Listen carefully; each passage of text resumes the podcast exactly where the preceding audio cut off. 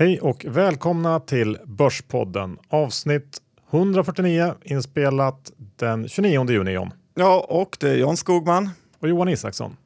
Snart 150 nästa, gång, nästa vecka Johan. Ja, härligt. Först ska vi presentera våra sponsorer John. Degiro.se. Gå in, regga ett konto och eh, handla i princip alla börser runt eh, hela världen till nollkortage om du har under en miljon. Ja, så är det faktiskt. Diro.se. Och eh, sen har vi ju även Lendify Johan. Exakt John. Om du har tröttnat på storbankernas usla ränta, ja, då kan du själv eh, leka bank och låna ut pengar via Lendify. Man har fått rätt bra avkastning så här långt John, eller hur? Ja, det har varit ungefär 7 eh, på rullande 12 månader. Ja, inte fy skam när räntan är negativ. Så gå in på lendify.se och testa. Vad kommer vi snacka om idag? Det kommer såklart vara en hel del Brexit. Eh, det kommer vara hur man ska trada börsen i sådana här lägen och eh, såklart en hel del andra bolagshändelser, alla Betsson och eh, Autoliv. Ja, och nu börjar ju även fotbolls-EM gå mot sitt slut och vi har ju Leo Vegas som våra fotbolls-EM-sponsorer John. Ja, det har vi och det har varit väldigt kul att betta på dem. De har en väldigt bra eh, hemsida för mobilen och eh, jag spelade upp mitt konto till 9 500 från den här första insättningen som sen rök allt på Brexit. Eh, eh, det var lite trist, men det är bara att ta nya tag. Det gäller att diversifiera sig även inom spelsektorn. Men jag tycker att ni också ska, om ni inte redan gjort, gå in på leovegas.com och ta del av deras fina erbjudanden. Precis. Nu kör vi igång veckans avsnitt. Johan Dr. Bass Isaksson, det har ju varit eh, fenomenala tider för blankar svin som du. Index eh, har ju fullständigt eh, kollapsat här på måndagen efter Brexit eh, och eh, vi har väl i och för sig hämtat tillbaka en del med två fina uppgångsdagar efteråt. Men guida oss igenom det här du om du kan. Ja, det är inte helt lätt. Det här med raset får man väl sätta lite i perspektiv eftersom vi var nere på riktigt låga nivåer veckan innan Brexit och eh, på just oro för Brexit. Sen gick vi upp jättemycket och det var väl också anledningen till att eh, jag låg kort över helgen för att jag tyckte att det hade gått alldeles för mycket inför det här beslutet och som jag såg det så var uppsidan ändå relativt begränsad på 1360 1370 där vi var eh, och stängde innan eh, midsommarafton. Ja, det var en rejäl eh, smäll som eh, börsen fick eh, ta del av och även det var ju helt osannolikt att det här skulle hända både via vad börsen sa, vad oddsmarknaden sa och valutamarknaden sa. Ja, det enda som sa annat var väl de här valundersökningarna som genomfördes som ändå pekar på att det skulle vara väldigt jämnt ända in i slutet. Så att eh, man kanske ska titta lite mer på dem i kommande val i liknande situationer. Hur som helst, Brexit då, den här frågan i sig.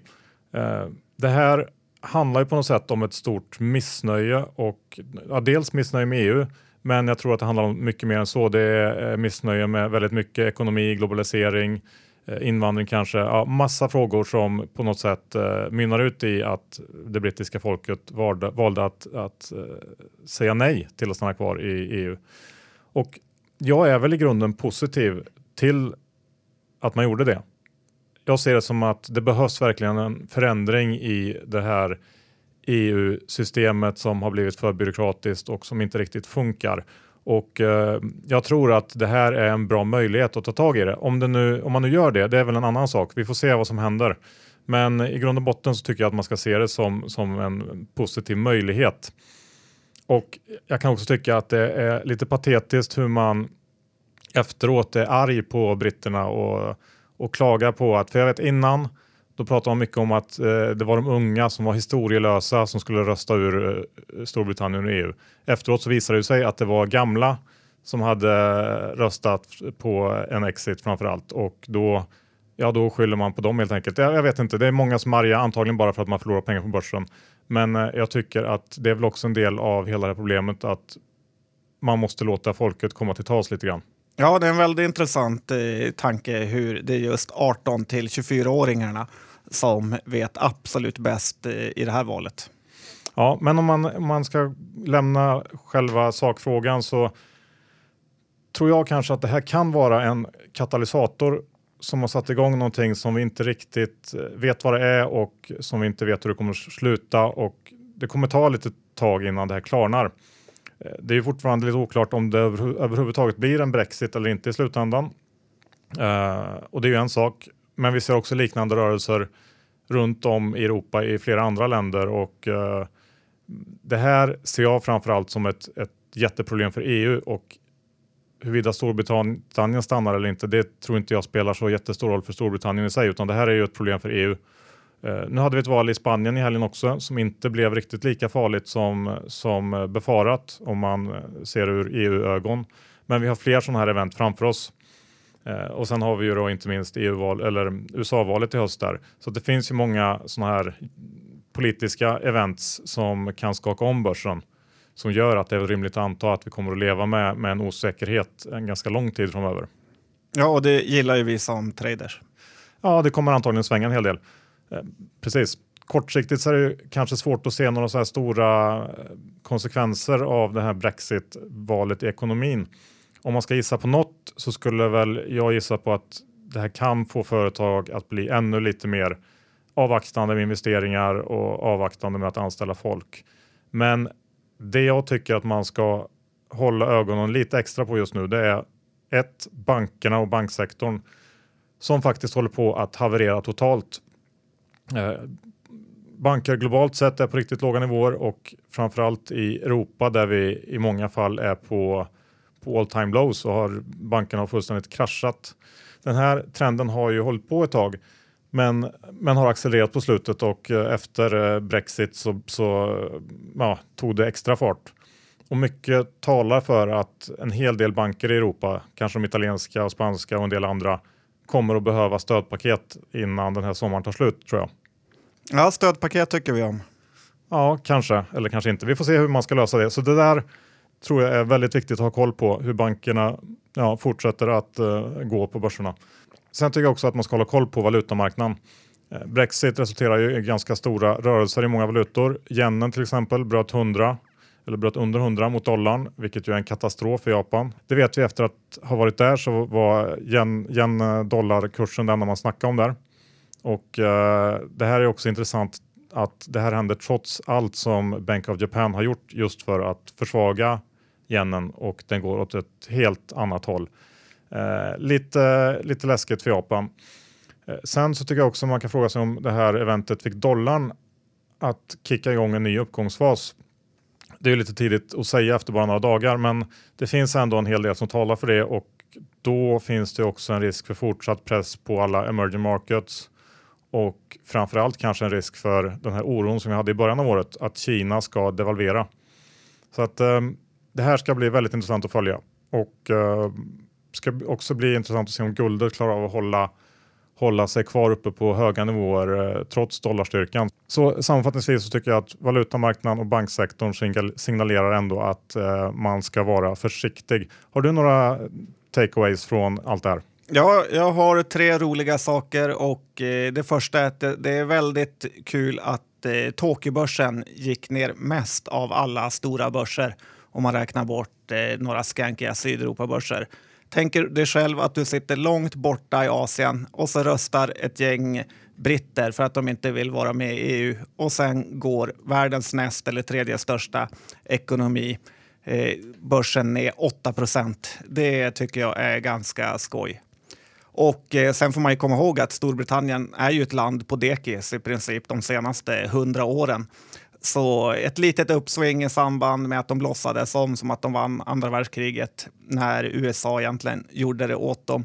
Så eh, ja, det, man kanske inte ska vara för ledsen om de här försvinner.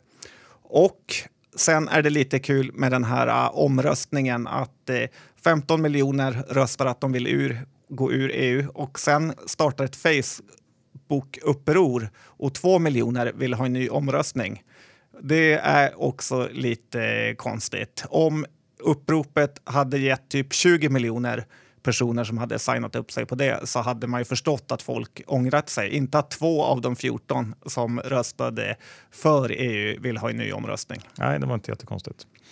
Eh, sen tror jag också att vi kommer säkert att få lite respons från centralbankerna nu och man snackade redan igår om att eh, det skulle komma koordinerade insatser. Draghi snackade om det, vad det nu innebär. Vi får se. Eh, och som du sa, börsen, vad ska man tro om den? Den har ju hämtat igen eh, ja, halva tappet egentligen idag när vi står kring 1300.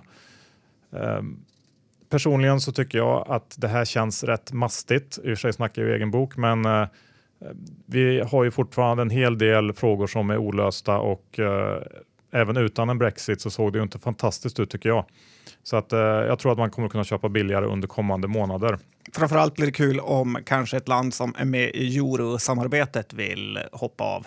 Då har vi riktiga problem. Ja, precis. Så att det här kommer att vara en följetong eh, ja, en bra tid framöver tror jag. Hur ska man trada sådana här lägen då John?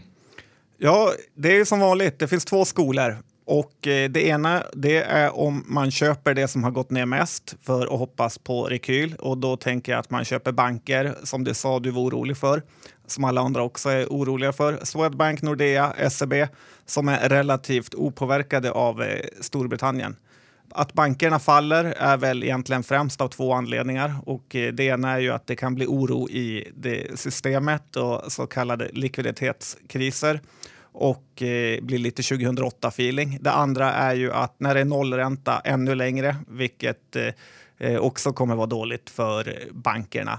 Och eh, sen är det ju tredje att det är nedgångar på allting som man ser under den här eh, perioden. Och då är det ju finans, försäkring, utlåning som går ner mest då det inte finns några riktiga värden att ta på här utan det mesta handlar om förtroende.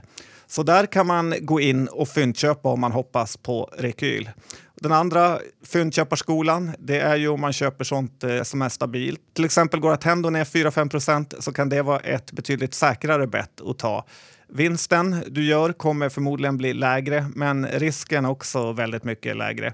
Dessutom är det mycket lättare att eh, våga köpa mer om Attendo till exempel fortsätter ner. För köper du Swedbank och den fortsätter ner så kan botten vara oändligt eh, långt eh, ner vid en större kris. Ja, så det, jag skulle definitivt välja Attendo för eh, någon endaste liten bank som finns. Eh, jag tror också att man skulle kunna titta på, eh, om man nu tror att dollarn kommer att fortsätta vara stark, så tror jag man kan titta på ja, dollar, dollarspel generellt och jag har även börjat fundera lite på om det ändå kan vara läge att köpa till exempel amerikanska tioåringen eller något sånt som fortfarande gillar mer än vad Spaniens motsvarighet gör. Ehm, ja. Statsobligationen alltså? Ja, precis. Jag tror att det bara accepterar att hela världen kommer att bli Japan. Det är bra Johan. Och eh, sen är det ofta bra att köpa bolag som har gått bra innan sånt här händer.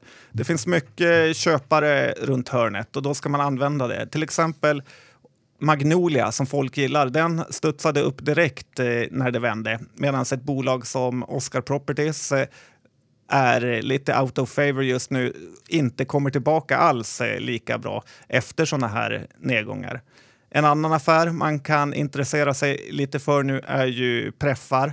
I och med att vi kommer ha nollränta eller negativ ränta under en längre period nu som det verkar så och det är i samband med att tillväxten också kommer vara ganska svag. Så en säker avkastning, eller hyfsat säker, på 6 till 8 procent beroende på vilken eh, man väljer och gillar tycker jag kan vara väldigt attraktivt i det här läget. Och eh, preffar som jag föredrar är ju till exempel SAS, Balder, Sagax, Akelius, Hemfosa och Victoria Park. Okej, okay, något mer? Ja, fastighetsbranschen är ju annars en bransch eh, som eh, borde gynnas av det här och eh, de har ju noll exponering mot valutor och noll exponering mot utlandet. Och eh, största utgiftsposten är räntor och eh, som sagt, de kommer ligga lägre ännu längre nu. Jag snackade om raten GOV eller Government Income Trust eh, i förra avsnittet och eh, det är ett av få bolag som faktiskt var upp på Brexit-dagen och eh, det är också tack vare att räntorna i USA kommer vara lower for longer nu. Ja, jag tror i och för sig kanske inte att vi behöver tipsa lyssnarna om eh, diverse sätt att köpa dippen, för det klarar de väldigt bra själva. Det här är en, en, ja, en observation jag gjort på slutet att eh, småspararna och spararkollektivet i stort är ju extremt benägna att köpa varenda dipp som dyker upp. Och eh, förr så sa man väl ofta att eh, ja, de vanliga spararna så att säga sålde när det blev eh, oroligt på börsen och det blev Eh, skrämselpropaganda i Aftonbladet och liknande. Så är det inte alls nu. Eh, bara under den här eh, svarta måndagen när börsen gick ner 7-8 så var ju Avanza överlägset största köpare. Och eh, idag gick Nordnet ut med att eh, deras kunder fortsatte att köpa aktiefonder under juni. Det här tycker jag är ett väldigt intressant fenomen och det är väl helt enkelt så att man har lärt sig under de här centralbanksåren att man ska alltid, alltid köpa dippen med bägge händer. Ja, vi får väl se om eh, det här kommer att straffa sig till slut, men eh, så ser det ut nu i alla fall. Mm, det är därför alla småsparare är så rika nu för tiden. De gör bara bra affärer. John, dags att snacka lite bolag. Ska vi gå in på gårdagens stora skräll eller besvikelse eller vad man ska säga. Betsson som gjorde en feting vinstvarning. Ja, de eh, kom in med en katastrof vinstvarning som du sa och det var ju framförallt eh, sportsboken som var dålig, eller hur? Ja, och eh, man kom in runt 40% sämre än konsensus hade förväntat sig på resultatet och någonstans 10% sämre på intäkter. Men det här var ju katastrof såklart och eh, ja, sport, sportboken kan ju avvika, eller brukar avvika lite grann kvartal från kvartal sådär. Det är ju inte eh, skrivet i sten vad man får in där, men den här avvikelsen känns inte bra John.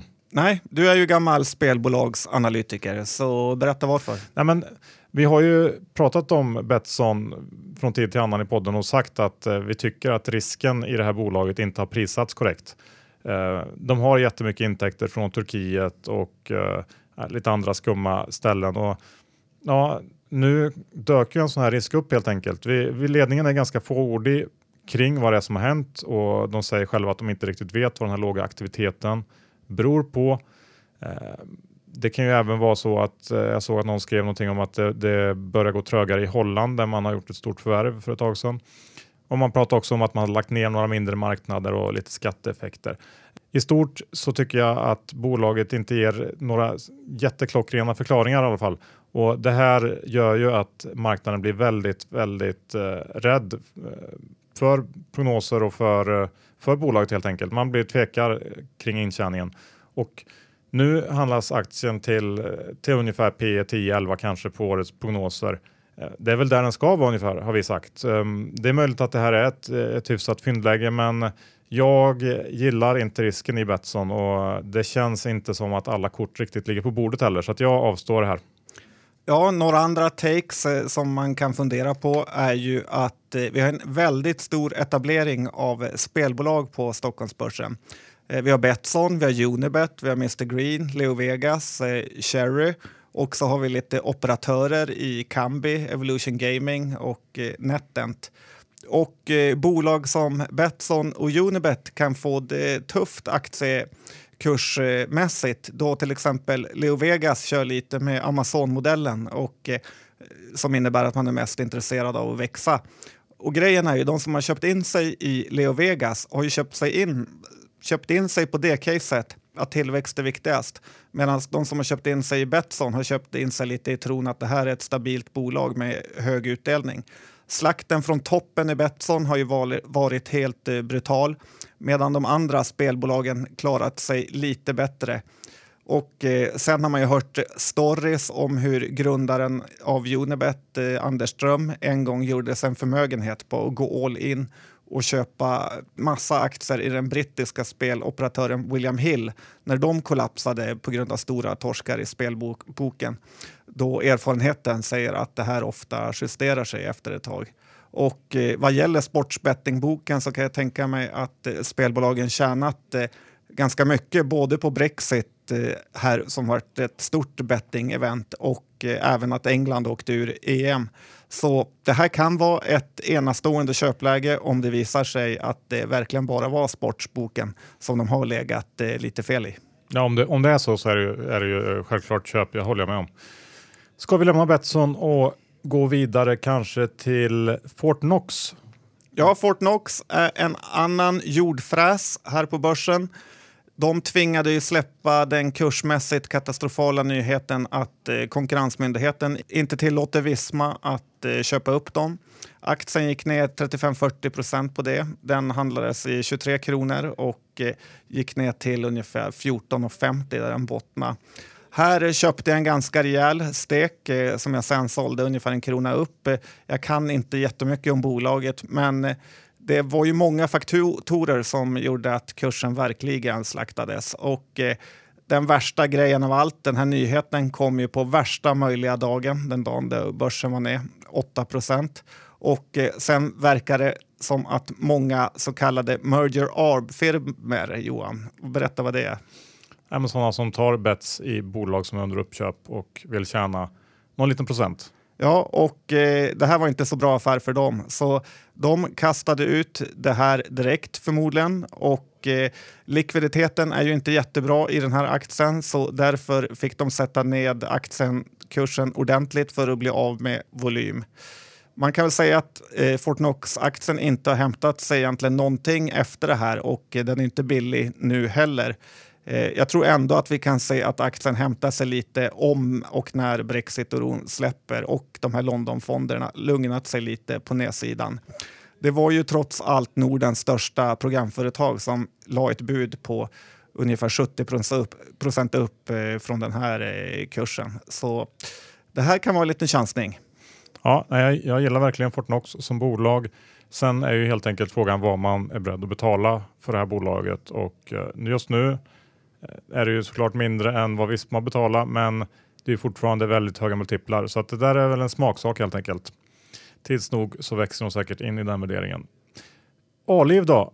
Den eh, dagens eh, jordfräs, eller i alla fall besvikelse. Ja, det är mycket sånt nu. Sveriges eget eh, Takta.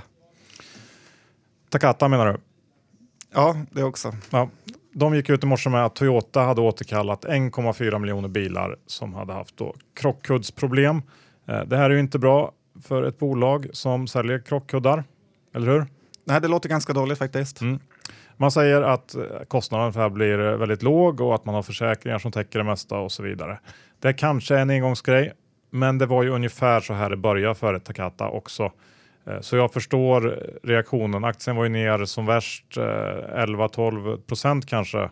Eh, som värst i alla fall så här långt idag. Vi får se när USA öppnar om amerikanarna kanske blir arga. Men ja, vad ska man säga om det här? Autoliv är ju ett bolag som många älskar och um, om det bara är den här lilla grejen så är det väl antagligen bara att köpa. Men man ska också komma ihåg att den här aktien är ju inte jättebillig. Det är PE 16 kanske och de är fortfarande en underleverantör till bilindustrin. Vad säger du John? Nej, jag håller helt med. Jag eh, är väldigt eh, tveksam till Autoliv och eh, som du sa, det börjar alltid med något litet för att sen växla ut till något mer. Det kan mycket väl vara så att någon annan eh, det kan mycket väl vara så att något annat eh, bolag eller fordonstillverkare som köpt Autoliv-produkter också får återkalla sina bilar och då är vi hux flux inne i härvan. Takata-aktien har ju gått eh, fullständigt ner i backen eh, efter det här. Så ja, några supermultiplar på det här är inte jag beredd att betala. Dessutom vet vi att eh, nästan all eh, säkerhet man behöver i en bil är ju bara säkerhetsbältet. Så eh, det övriga är ju bara eh, bluff egentligen. Okej, okay, det ser man. Ja. Du, Kopparbergs är ju ett bolag som har eh, hyllats på slutet. De åker ju på lite på den här Brexit-grejen med pundet. Ja, det är ju Alkis och eh, småspararfavoriten Kopparbergs. Och eh, det är ju som du sa med bre Brexit att göra. Det här är ju för att de säljer så mycket i Storbritannien. Pundet har ju egentligen inte gått ner så mycket mot den svenska kronan då vi är en så kallad skräpvaluta som alltid går ner vid sådana här internationella kriser. Men Kopparbergs aktie har fallit ändå. Det är två dagar i rad som den har varit och vänt på 230 kronors eh, nivån. Det har varit ett bra köp där då den studsat upp eh, ganska fort. Eh, Kopparberg stod i ungefär 235 när den fina rapporten för Q1 kom och eh, var väl uppe i närmare 280 just eh, innan Brexit. Så att det är svårt att säga om det här är ett långsiktigt köp nu, men eh, man ska, säger att man ska plocka in kvalitetsaktier när det är volatilt. Så det kan vara ett sånt läge. Dock kvarstår ju faktumet att det blev en Brexit och det kan svaja rätt fritt framöver. Så jag är försiktig genom att göra någon förut sägelse här, framförallt för att aktien redan är så dyr multipelmässigt. Ja, ska vi lämna kvaliteten och gå över till R&B? Ja, här kommer vi väl in på en ytterligare jordfräs Johan, snart så att vi får ha utförsäljning.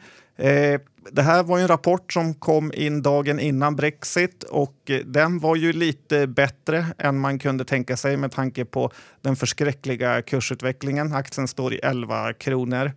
Nu, det blev förlust, eh, men det var väntat. Brothers, som är en tredjedel av eh, R&B. Det är Brothers, NK och eh, vad mer Johan? Pop, Polon Pirret. Ja, du har koll som vanligt. Eh, och Brothers går bra. Det som skrämde var lite att NK-businessen börjar gå lite eh, dåligt. Och eh, jag kan tänka mig att de extremt överprissatta varorna på NK börjar få en tuffare konkurrens från internet. Förut ville man nog inte köpa så dyra varor på nätet, men i takt med att folk blir lite mer köpvana på nätet så finns det även risken att NKs attraktionskraft tappar lite. Och eh, trots alla hot jag har räknat upp nu kan jag nog ändå tycka att aktien är lite mer värd än 11 spänn. Men kom ihåg, även nästa rapport eh, kommer vara ganska svag. Så att eh, det kan vara läge att avvakta också.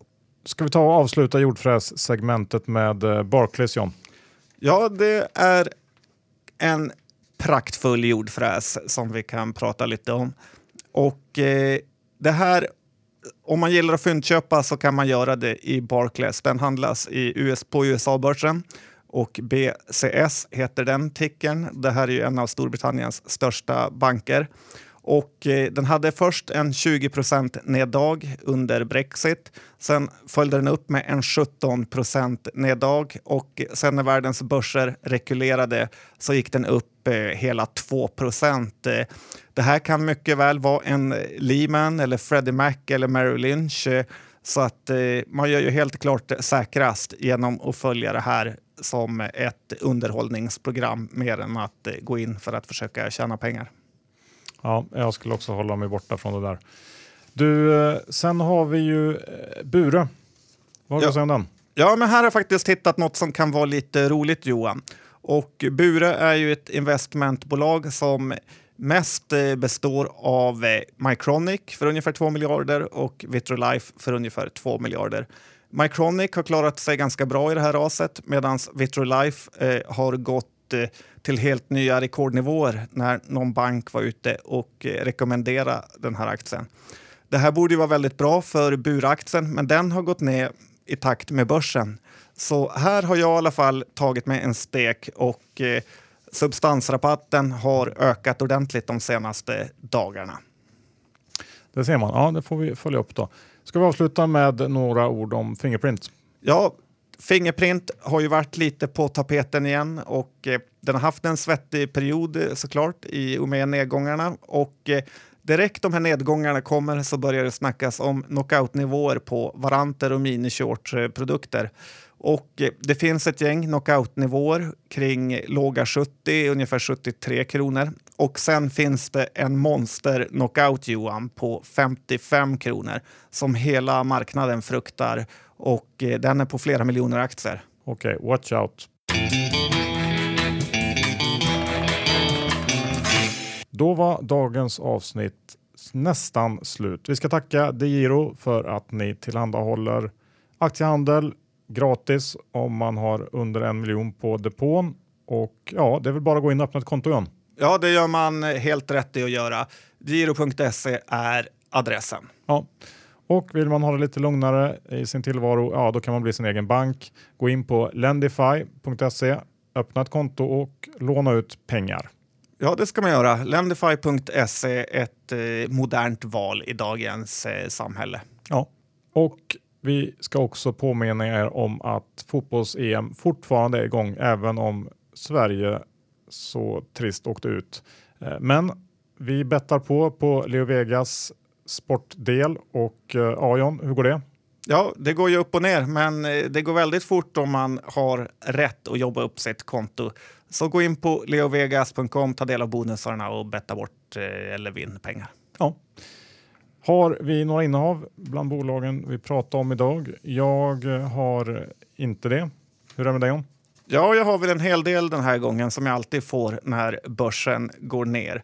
Och eh, som jag sa har jag köpt eh, Bure, jag har köpt lite preffar och bland annat Victoria Park. Jag har inte vågat på mig någon av bankerna, så det där var väl eh, det hela Johan. Det var allt. Härligt. Då tackar vi för oss och eh, sen så hörs vi om en vecka igen och då drar ju våra sommarpoddar igång. Ja, det ser vi väldigt mycket fram emot. Eh, det kommer bli fyra veckor av eh, trevlig sommarpodderi av Finans Sveriges eh, Top Dogs. Yes.